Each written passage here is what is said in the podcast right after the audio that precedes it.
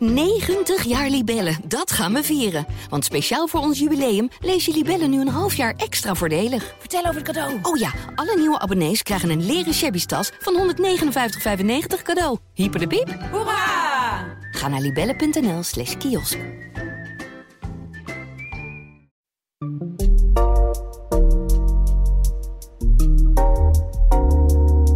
Welkom bij Culturele Bagage, de wekelijkse podcast van de Volkskrant, waarin we je bijpraten over nieuwe series, films, boeken en andere popculturele verschijnselen die het maatschappelijk debat gaan bepalen of jouw blik op de wereld kunnen veranderen.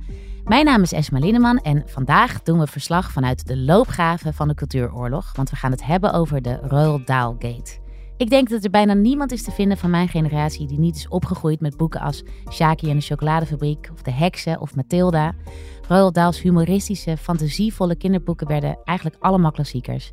Hij verkocht meer dan 250 miljoen exemplaren en zijn boeken worden vanavond nog voorgelezen door honderdduizenden ouders over de hele wereld aan een nieuwe lichting Roald Dahl-fans.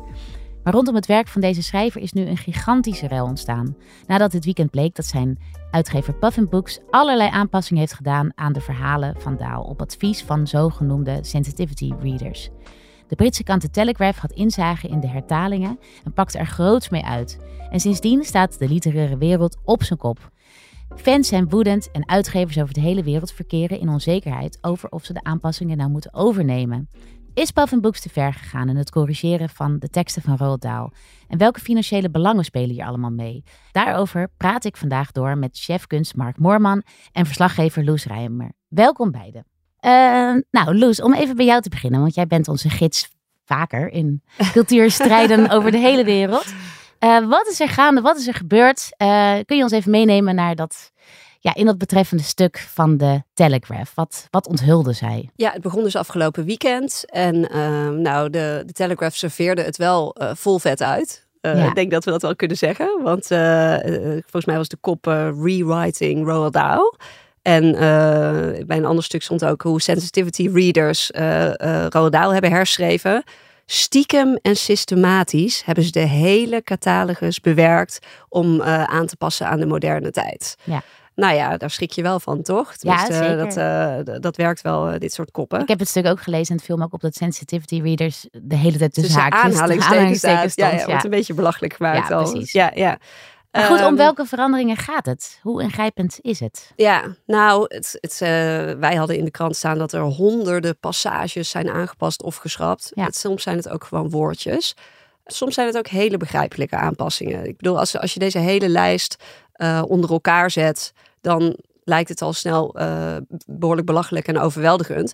Maar sommige dingen gaat het ook over archaïsch taalgebruik. Dus bijvoorbeeld eh, kamermeid is veranderd in schoonmaker. Ja. Nou ja, er zijn ook heel veel mannelijke schoonmakers. Dus dat lijkt me niet zo'n gekke aanpassing. De heksen, die oma legt uit in de heksen dat, dat ze zich voordoen als gewone vrouwen. En ze hebben dus ook gewone vrouwenbanen. Ze kunnen, cashières zijn. Of vrouwen die brieven voor zakenmannen uittypen, zeg maar. Ja, dat deden vrouwen in die tijd. Ja. Eh, kijk, die heksen, dat is toch dat is best wel een elitair clubje. Die komen samen, ze hebben eerste klas pruiken op en zo. Ik snap wel dat je dan misschien nu, ze hebben het nu veranderd in zakenvrouwen. Ja. Dat past wel beter bij deze tijd en de associaties. Ja, Ehm, dus ja, soms gaat het ook dus gewoon om, om archaïsche dingen. Eh, nou, woorden als dus dik eh, zouden verwijderd zijn. Het is mij niet helemaal duidelijk of die uit, uit de hele catalogus zijn gehaald. want dat is wel de indruk die wordt gewekt in menig Ja. column en in stuk. Maar dat weten we eigenlijk niet zeker. Nee, dat weten we niet Nee. zeker. En kijk, wij hadden als kop... niemand is meer dik en lelijk in de boeken van Roald Dahl. Mhm. Waarbij ik dan denk, iedereen is dik en lelijk in de boeken van Roald Dahl. Ik bedoel, er blijft gewoon heel veel over. Ja. Alleen, nou, ik las toevallig gisteravond nog even de heksen om toch eventjes eh, te kijken van hoeveel pijn doet het nu. En toen viel me op bijvoorbeeld het woord dik eh, is dan in sommige gevallen veranderd in enorm. Dat lijkt ook een beetje potsierlijk. Maar nu zag ik bijvoorbeeld dat Roald Dahl, als hij de oma van het jongetje beschrijft, dan gebruikt hij ook het woord enorm. Ja. En dan beschrijft hij ook heel mooi hoe zij in de stoel zit, in, eh, grijs, eh, in een nachtjapon van grijs kant. En ehm, hoe ze die hele stoel eigenlijk uit, eh, uitvult en dat er geen centimeter meer over is. Die oma die blijft gewoon dik hoor. En ehm, het zit hem denk ik dus in die, die paar woordjes die zijn verwijderd. Dat is meer tel dan show, zeg maar. Want ik bedoel, zijn kracht zit natuurlijk in de omschrijving altijd. Ja. In zo'n mooie zin van een oma die een hele Ik kan het woord enormous ook tegen in zijn eh, werk. Ja. voor zijn, Ja, dus zijn hij gebruikt het zelf ook. Dus, ja, ehm, dus, dus, dus zo moet je dat misschien ja. een beetje zien. Ja. Het gaat, eh, er zitten ook wel een paar ongemakkelijke wijzigingen bij. Bijvoorbeeld eh, als we het dan toch weer hebben over de heksen. En de- deze zin wordt ook heel veel aangehaald. En ik sprak de uitgever ook en die zei, daar heb ik best wel problemen mee. Ja. Dat die oma best wel bevoogdend dan nu in de nieuwe versie uitlegt. Er kunnen heel veel redenen zijn waarom vrouwen een pruik dragen. ja, Ja, dat, dat is een beetje, eh, dat, dat irriteert mij ook. daar, heb- daar gaat bij jou ook een beetje... Ja, toch wel. Tegelijkertijd eh, kan ik me voorstellen dat als je een zesjarig meisje bent van wie de, de moeder eh, een- chemotherapie ondergaat. Ja, vanuit dat perspectief snap ik hem dan wel weer een beetje. Maar het- ik vind het wel een beetje een stilistische breuk met die oma die daar eh, grote zwarte sigaren zitten te roken. En dan plotseling zoiets best wel politiek correct zegt. Dus ja. die, en dan daarvan grijp je ik, wel echt wel in eigenlijk ja, in de sfeer. je voegt ook echt iets toe. Ja, voegt dus die vind toe. ik, die, daar, daar heb ik ook wel mijn bedenkingen bij. Zijn er nog meer veranderingen waar je ofwel je bedenkingen bij hebt... of waarvan je denkt, nou ja, Nou, Eigenlijk wel nee, logisch. Nou, er waren ook een aantal dingen. Bijvoorbeeld eh, dat, dat ik zag, als we het hebben over hoe de Telegraph het nogal vol vet uitgeserveerd heeft. Dan schrijven ze bijvoorbeeld over het boek over de schildpad, hè, Iorg Ideur. Ehm, dan zeggen ze van eh, ja, zelfs die arme Iorg Ideur die is er niet aan ontkomen. En wat dan de verandering is, is dat er in het origineel stond dat eh, werd uitgelegd dat schildpadden allemaal uit Noord-Afrika kwamen. En nu staat er schildpadden kunnen van over de hele wereld komen. Ja. Wat feitelijk juist is, zeg maar. Ja. Dus ja, soms zijn het ook gewoon feitelijke onjuistheden die dan toch eh, wordt gedaan alsof er dit arme schildpadje nu eh, een enorm iets wordt aangedaan. ja, door, door woke-strijders eigenlijk. ja, die niet door meer de schildpad is sensitivity zoals readers. Had ja, die bedacht. schuimbekkend door al die Ja. boeken zijn gegaan met een rode pen. Ja, ja, ja. En eh, nou ja, ik, ik dacht ik ga nog gisteravond even de heksen herlezen om dus te ervaren van hoeveel pijn het nu doet. Ja. Ja, dat viel me dus eigenlijk wel mee. Ik struikelde zelf een beetje over dat Mathilda in de nieuwe versie, Mathilda uit het gelijknamige boek, eh, niet meer eh, Kipling leest. Mhm. de, Ja. de, de schrijver van eh, Jungle Book. Wat Mhm. natuurlijk heel, een heel populaire titel is. Maar Jane Austen. En Kipling is natuurlijk een, een soort koloniale schrijver. En Jane Austen is een soort al- altijd populaire schrijver onder meisjes gebleven. Dus daarin wordt het gemoderniseerd. Maar ik, dat is wel net het type verandering waarvan je denkt, ja, ik weet niet of het daarmee per se eigen tijdser wordt. En je neemt toch afstand van de, van de oertekst. Dat, dat, dat hoort bij mij zit net aan de verkeerde kant Mm. van. Zijn, is, Ja. is dit nou het type eh, verandering wat, wat, eh, wat die boeken. eh, Tegelijkertijd, volgens mij, want er staat in, in, dat, in Mathilde staat ook zo'n lijstje wat ze dan leest. Volgens Mhm. mij staat daar Austin al wel bij. Dus het is niet zo dat hij, dat hij zomaar het boek is Mhm. ingetrokken. Alleen in die passage, Ja. in die zinnen waar het staat wat Mathilde dan, eh, naar welke werelden ze met deze auteurs vertrok.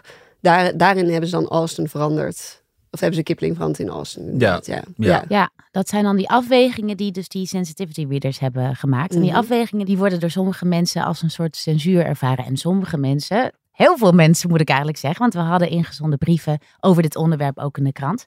En daaruit blijkt toch wel dat veel lezers gewoon gechoqueerd zijn door de berichtgeving eh, over deze hertaling. Eh, bijvoorbeeld uh, Tabbe Joritsma, die schrijft... dan gaan we dan ook alle dikke dames op schilderijen van Rubens slank overschilderen. En Willeke Stadman uit Nieuwegein schrijft... wanneer gaan we de Bijbel aanpakken? Ironisch natuurlijk bedoeld, of cynisch. Ja, maar kan jij begrijpen dat mensen hiervan schrikken? Nou ja, kijk, ik, ik ben ook eh, opgegroeid met de boeken van Daal. En heb ze vervolgens eh, aan mijn kinderen voorgelezen. Dus je, je bent heel erg vervlochten met dat, dat beeld uit die boeken. Maar ook de taal uit die boeken. Eh, overigens, eh, wat in de discussie helemaal niet een rol speelt. Maar wat in de praktijk natuurlijk wel eh, vaak gebeurt. Is dat ik als... Voorlezende ouder, zeg maar, hele strenge censuur toepaste. Oh ja, En dingen oversloeg. En om allerlei redenen. Wat dan? Wat dan? Nou ja, dingen te, te ingewikkeld. Of het wordt hoog tijd dat ze nu eens gaan slapen. We doen, ik doe net alsof het hoofdstuk is afgelopen. maar kwam je dan ook wel eens iets tegen waarvan je dacht van oei? Of ja, kan nou, je eerlijk daar... gezegd niet. Nee. Tenminste, niet dat ik me kan herinneren. Nee. En, en, en het liep bij, eh, eh, bij ons en bij mijn kinderen ook enorm door elkaar. Want bijvoorbeeld eh, de, de echt bij ons thuis honderd keer bekeken oude verfilming van Shaki en de chocoladefabriek met Oh, Gene Wilder. Uit 1971. geloof ik. 71, ja. Die beelden en, en dat liep heel erg, daar, daar keerden we telkens naar terug. En dat, dat was natuurlijk iets van grote invloed op hoe we weer naar die andere boeken kijken. Ja. Gold ook eigenlijk voor de verfilming van uh, De Heksen. Ja. Ook een film die uh, op uh, kinderen nogal indruk maakt. Omdat ja, ja. bloody eng is. Ja, ik, ik, heb alle versies gezien trouwens. Ja. ja. ja. Overigens, Loes, jij bent ook fan van Tenminste, ja, heel erg. Ja, ja. Het is dus heel moeilijk om niet super fan te zijn. Nee, nee, precies. Nee, het is niet echt een bold statement. Nee, nee, nee. Uh, nee heel erg. Dus ik heb Mathilda echt duizend keer uh, gelezen. Ja. Ook omdat je, en dat, dat schreef ook een van de critici hoor, dat je, je spiegelt je heel erg aan haar. En dat merkte ik nu ook weer. Voor mij was het echt wel een emotioneel moment dat ik mijn dochter van zeven, begonnen mee toen ze zes was, uh, Mathilda weer kon voorlezen eigenlijk. En ook zag wat het met haar deed. En dat zij dacht, wow, deze, dit meisje van vijf kan gewoon al, kan al supergoed lezen. En dan gaat ze zelf meerekenen van oké, waarom kan ik dat dan eigenlijk nog niet? Dus Mathilda liet zien dat het cool is om een nerd te zijn, dat lezen fantastisch is. Nou, kom daar nog maar eens om in deze tijd. Dus daardoor snap ik ook waar, dat het zoveel veel teweeg brengt eigenlijk. Ja, omdat mensen gewoon heel erg van zijn werk houden en er ontzettend veel mooie herinneringen aan hebben. Ja, en ik heb een van mijn andere lievelingsboeken is uh, Roald Dahl's Gruwelijke Rijmen. En dat, daar staat een fantastische zin in. Dat zijn, zijn bewerkingen van sprookjes. En daar staat een fantastische zin in van de roodkapje die in een wipje een revolver uit haar slipje trekt. Ja. ik hoop dat deze, dat deze wel de sensitivity readers heeft overleefd. En mijn dochter was daar dan ook zo van aan het genieten. En uiteindelijk legt Roodkapje de big om en zo. En maakt ze er een mooie sporttas van.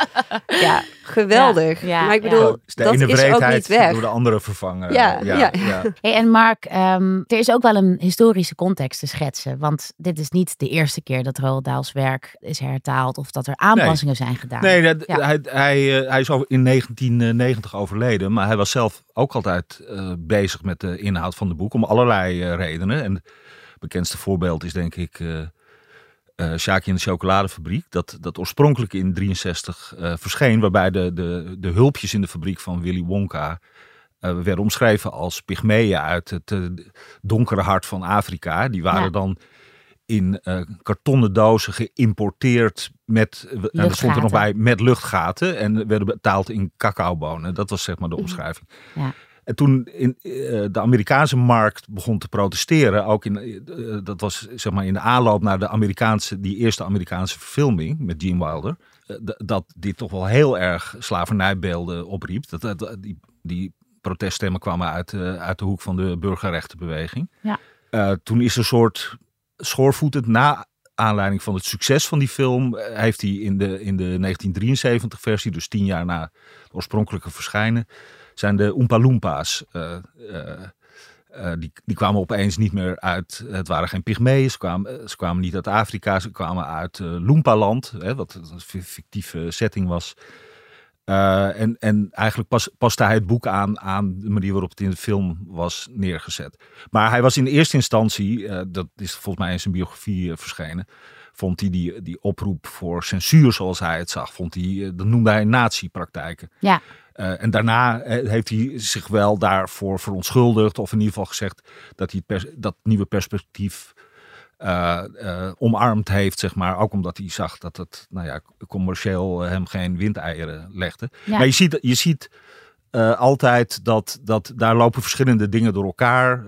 deed hij daar nou het goede of deed hij daar nou het slimme? Commerciële, het commerciële. En dat is misschien, speelt nu ook weer een beetje bij een rol. Want hoewel de, deze hele operatie van Puffin begon voor de, de, deal met Netflix. Uh, zou welke deal is dat? Even voor de luisteraars. Nou, de, de, en dat is vrij uh, uniek. Is dat de, de erven uh, Daal, die worden door een kleinzoon geleid. Die hebben zeg maar alle rechten aan Netflix verkocht. Voor nou ja, het bedrag wat de ronde doet is 500 miljoen. miljoen ja. Ah. En dat is ook het recht bijvoorbeeld, en dat, dat belooft sowieso interessant te worden, om van uh, Shaki en de chocoladefabriek een serie te maken voor Netflix.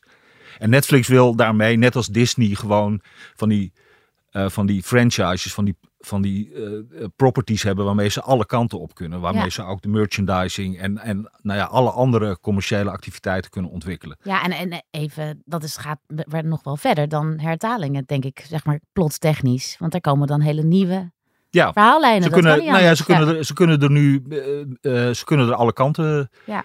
mee op. En dan is het de vraag van, er is wel een soort toezicht die, die, die erven die, die zullen wel uh, co-producent worden en die zullen wel toezicht houden. Hè. Dat is met de erven Tolkien ook gebeurd. Ja. Maar ja, het, het, het is toch een als je hoort wat voor een bedrag dit gaat, het is toch gewoon een enorme commerciële beweging. En dat is misschien een van de, de onderdelen die, die een rol spelen in de, uh, in de ophef rond, uh, rond die vertalingen van. Is, nou ja, worden, worden die, die boeken die, waar we allemaal zo van uh, hielden en houden, zijn die niet overgeleverd aan, nou ja, aan het streamings kapitaal. Dat is een beetje de ja. soort de achtergrond van. Ja, aan de andere kant zou je kunnen zeggen, er worden allerlei verwoede pogingen gedaan om het werk van Daal uh, relevant te houden, eigenlijk. Daar is dit ook een voorbeeld van, ja. Loes, denk jij? Ja, want dat, dat, eh, dat merkte ik ook wel zelf bij het voorlezen. Dus en ik was er zelf heel erg van aan het genieten uh, toen ik het voorlas aan mijn dochter. En tegelijkertijd probeer ik haar op te voeden uh, met dingen met waarden als dat je niet mensen heel erg op hun uiterlijk moet beoordelen en zo. Nou ja, uh, ja. dat gebeurt best wel veel. Dus mijn dochter zei ook wel een paar keer echt van... Oh, mama, ik mag mensen nooit dik noemen. Dus, dus... Maar heb je wel dat gesprek, toch? Ja, zeker. Aanleiding van, zeker, van zeker. Ja, ja, ja. maar het is ook niet zo dat als, een, als het woordje dik wordt veranderd in enorm, dat er dan geen dikke mensen meer in. Die, die suggestie wordt wel een beetje gewekt nu, zeg maar. Alsof er een soort van. Alsof de boeken van Roald Dahl een soort rubberen, tegelen, uh, rubberen, rubberen tegelparadijs uh, worden. Waar niks meer mis mag zijn. Waar mensen niet meer vervelend kunnen zijn en zo. Want dan zou je de ziel er inderdaad echt uithalen. Ja, maar ik heb wel het idee dat dat een beetje overtrokken is. Zeg maar. Ja, precies. Want ik denk ook bijvoorbeeld uh, in, in, nou ja, bijvoorbeeld in de heksen, daar verandert natuurlijk de hoofdpersoon in een muis, die mhm. vervolgens dus ook niet lang meer te leven heeft. Uh, dat, dat zijn verhaallijnen die je in kinderboeken uh, van nu misschien niet meer zo snel terug zal vinden. Omdat ze misschien als nou ja, te verdrietig of te heftig voor kinderen worden beschouwd. Ja. Maar die, dat blijft. Heel veel dode ouders altijd, ja, afwezige ouders. Veel we wezen en heel veel er... sadisme ook. Ja. Uh, ja. En dat is er fantastisch aan. En daarom ben ik zo blij dat ik het ook nog steeds kan voorlezen. Ja, en jij zegt dat blijft gewoon. Ja, ja, volgens mij wel. Ja. Jij hebt ook gesproken met uh, de Nederlandse uitgever. Uh, want de, de Franse uitgever heeft aangegeven dat uh, nou die gaat weigeren om welke aanpassing dan ook door te voeren in de, de Franse vertalingen. Mm -hmm. De uitgever Nederlands, Joris van der Leur, als ik het goed zeg. daar heb je mee gesproken. Wat zei hij daarover? Ja, hij was ook heel erg geschrokken. Ja. Dus het, dat vind ik toch ook wel interessant hoe het gaat. Van, er ja. is ook niet een soort van uh, memo of zo wordt er rondgestuurd. Nee, hij was er echt door overvallen. Uh, geschrokken ook. En tegelijkertijd zei hij, ik probeer nu uh, contact te krijgen met onze mensen in Engeland, zodat ik gewoon de lijst te zien krijg. Ja. Was nog niet gelukt. Um, en dan gaan we het, sprak, ja. ja. en dan gaan we het gewoon heel zorgvuldig bekijken. Hij zei ook, als dingen echt kwetsend zijn, archaïs, dan tuurlijk kunnen we het dan veranderen. En uh, nou ja, hij, had, hij vertelde ook wel dat hij dus met die, met die, met die, die bevoogdende pruikenles had hij dan ook wel de meeste problemen mee, voor zover hij uh, de, de veranderingen had kunnen zien. Ja. Dus ja, en het was hem ook niet helemaal duidelijk. Hij hoopte en dacht dat hij ze niet per se over hoefde te nemen. Ook omdat Nederland altijd al, uh, de Nederlandse vertaling wordt heel goed gevonden. En die, daar is natuurlijk altijd een zekere vrijheid. Ja, hè? kijk, hij zei ook, we zijn hier nuchterder, liberaler. Ja. Dus waarschijnlijk hebben we ook gewoon wel meer vrijheid. Ja. Maar helemaal zeker wist hij het nog niet. Nee, precies. Dat, dat moet nog blijken. Ja. Ik wil misschien nog wel even een opmerking maken, omdat ik zelf opgegroeid ben in een dus ik las, las het meest in de jaren, eind jaren 60, jaren 70. En, en toen kreeg je zeg maar, de, de jeugdliteratuur was volstrekt ongefilterd. Dus je las gewoon de, de boeken van begin van de 20e eeuw, eind 19e eeuw. Zoals ze ooit waren verschenen op de dag van verschijnen. En, dat, en het feit dat het archaïs was en, en vreemd en exotisch en vaak onbegrijpelijk, vond ik altijd hoorde bij, wel bij het avontuur van het lezen en het avontuur van het, van het boek. En ik, ik kan gewoon niet reconstrueren of, of, of, of, ik, of ik nou zeg maar in de wereld van het boek zat, of dat ik ook echt het gevoel had van mijn wereldbeeld wordt hier door veranderen. Ik las, ik las als jongen de boek van Karl May. Nou, dat, dat, dat, dat zou je naar de maatstaven van, van vandaag uh, zou er heel wat uh, moeten veranderen. Want voor de luisteraars Nou ja, dat speelde, dat speelde dan uh, de, de, in het Wilde Westen zonder dat de auteur daar ooit was geweest. Ja. Pas, pas later, nadat hij die boek had geschreven. en, en zijn hele wereldbeeld was, ging dan toen heette dat nog Indianen, dat de enige goede, goede Indiaan was een bekeerde Indiaan. Hij vond gewoon, de, de hele planeet moest christen worden en anders was je, was je op een dwaalspoor. Ja. Nou, dat las ik, ik kwam helemaal niet uit een, uit een, met een religieuze achtergrond, maar op een of andere manier hoorde, hoorde dat gewoon bij die, bij die boeken en bij dat, dat, dat, die vreemde boekenwereld die daar gecreëerd werd. Ja, ja, ja. En dat uh, het kritisch vermogen van lezertjes moet, uh, ja, moet ook niet onderschat worden. Nee, en ik, ik hoorde jou net ook al zeggen van, volgens mij vind jij het ook wel goed als ouders ook steeds het gesprek aan blijven gaan. Ja. Um, uh, maar volgens mij ben jij het daar ook wel mee ja, eens. Zeker. Want dat, dat, daar is daar natuurlijk nog steeds de gelezen kans voor, toch? Om Ja. het te hebben over... Ja, Kijk, wat ik zelf als kind had, is dat sommige van zijn boeken worden ook nu weer beschreven als best vreed. Maar, en, en bijvoorbeeld ook zijn eigen, uh, zijn, zijn autobiografische werk, zoals uh, Boy en uh, Solo. Daar, dat, nou, vooral in Boy staan allemaal passages eigenlijk over een hele vrede kostschool waar veel werd gepest. En nou had ik zelf ook een jeugd waar ik best wel vaak ben gepest. Dus ik die onveiligheid, die herkende ik juist heel erg in, Mhm. in zijn boeken. Weet je, dat, daar kon ik me eigenlijk, net als ik dat ook met Stephen King had, daar kon ik me aan laven. Mhm. Van, ik ben niet de enige die, ehm, nou, die dit meemaakt of zo. Be- Begrijp jullie dat? ja. Mhm. Ja, Ja, en dat, zeker. ja, en dat vond ik, heb ik eigenlijk altijd wel heel sterk aan zijn werk Ja. gevonden.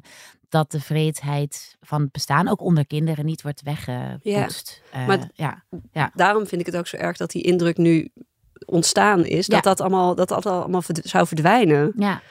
Uh, En- en- en- ik, ik, ik zie zo weinig zorgvuldigheid in deze discussie, zeg maar. De, de, de, de drang om enorm grote woorden te gebruiken als censuur, eh, de, de nalatenschap is verkwanseld. Ja. En als je dan toch, eh, ik ik ben benieuwd of die mensen en het stuk in de Telegraph hebben gelezen, waarbij je toch ook echt wel ziet van het wordt echt wel eh, heel vol vet aangezet. Ja. Ehm, en eh, tegelijkertijd hebben ze de boeken er nog even bijgepakt om te kijken van wat ze nou precies ver- verliezen. Is, is de hele nalatenschap van Daal verkwanseld als het eh, jongetje, dat de jongetje in de heksen, dat alleen maar Bruce Jenkins heet hij geloof ik, wat de hele tijd alleen maar bananen aan het eten is en chocola en zo. Als die dan zodra die in, verandert in een muis, dat hij dan niet een vet muis, muisje is, maar een gewoon muisje, zeg maar. Ja, ja, ja. Tenminste dat er niet meer vet mouse staat.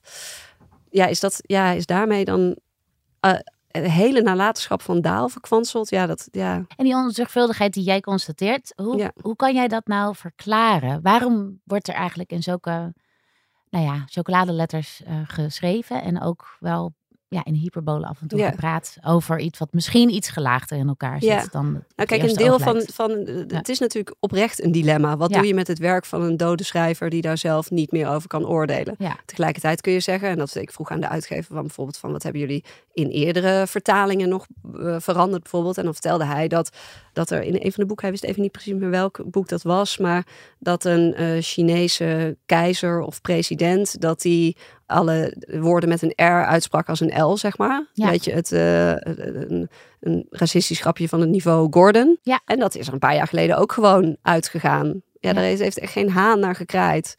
En nu valt het binnen een ontwikkeling waarbij mensen heel veel zorgen maken over, over woke. En ja, ik weet nog steeds niet helemaal wat nou woke precies betekent, maar het is inmiddels een paraplu-term voor eh, nou ja, alles wat er mis is in de wereld, geloof ik. Dus ja, het, het valt daarin. Het wordt uit, door de Telegraaf wordt het daar ook echt wel in, in geplaatst. Dus hele sensitieve kinderen die nergens meer te- tegen zouden kunnen en die wij allemaal willen behoeden voor de echte wereld. Eh, ja, daar valt, daar valt dit in. Ja, dat snap ik.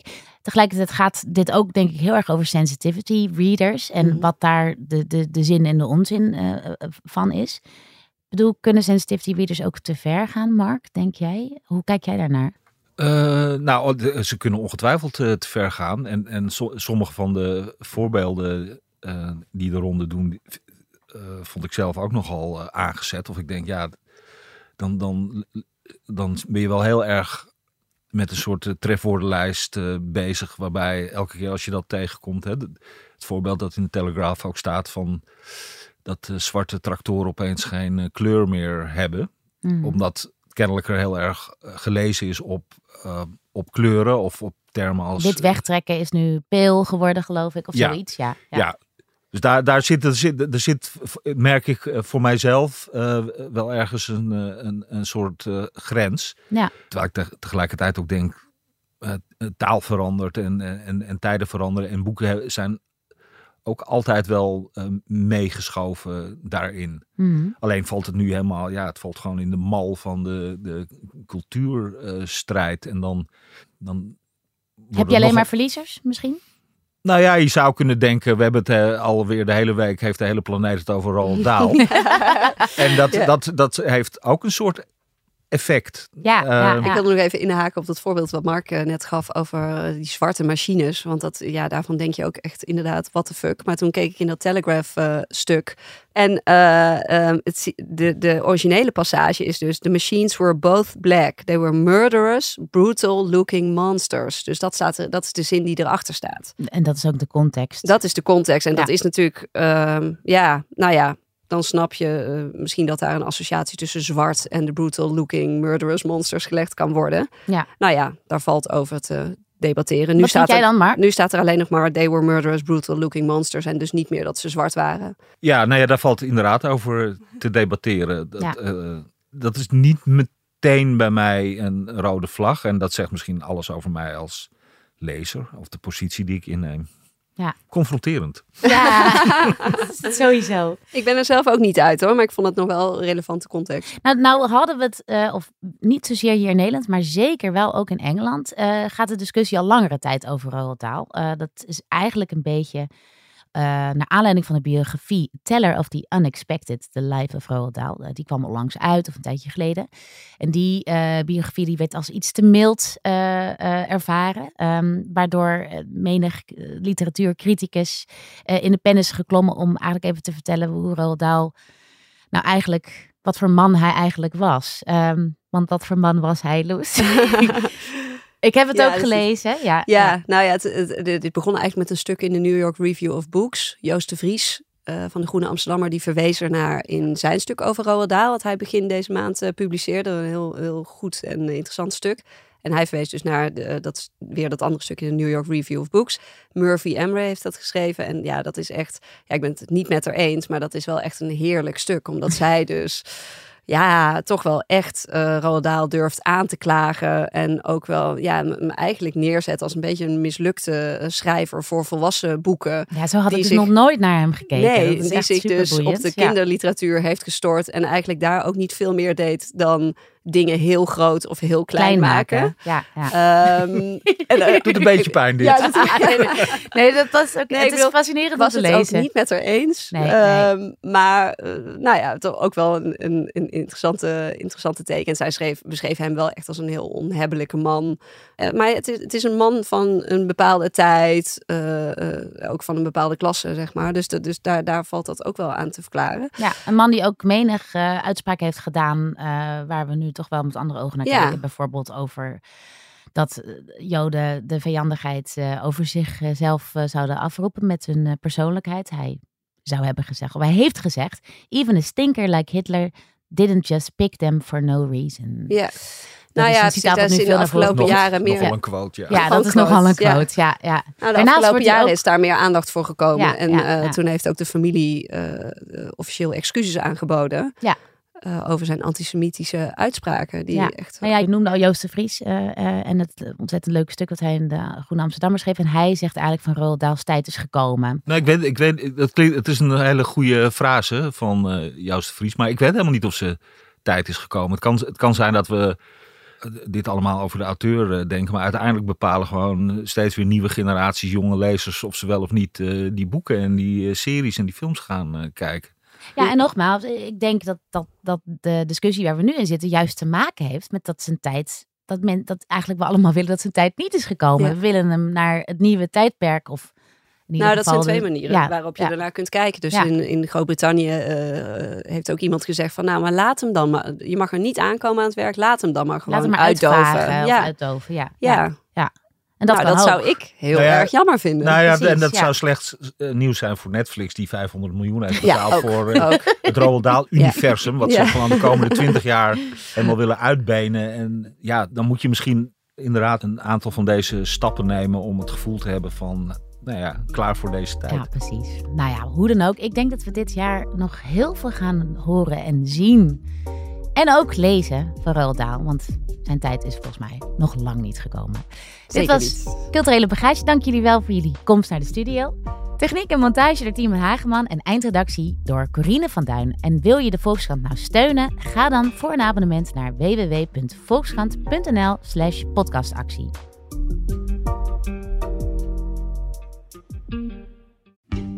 ...90 jaar Libellen, dat gaan we vieren. Want speciaal voor ons jubileum lees je Libellen nu een half jaar extra voordelig. Vertel over het cadeau. Oh ja, alle nieuwe abonnees krijgen een leren shabby tas van 159,95 cadeau. Hyper de piep. Hoera! Ga naar libellen.nl slash kiosk.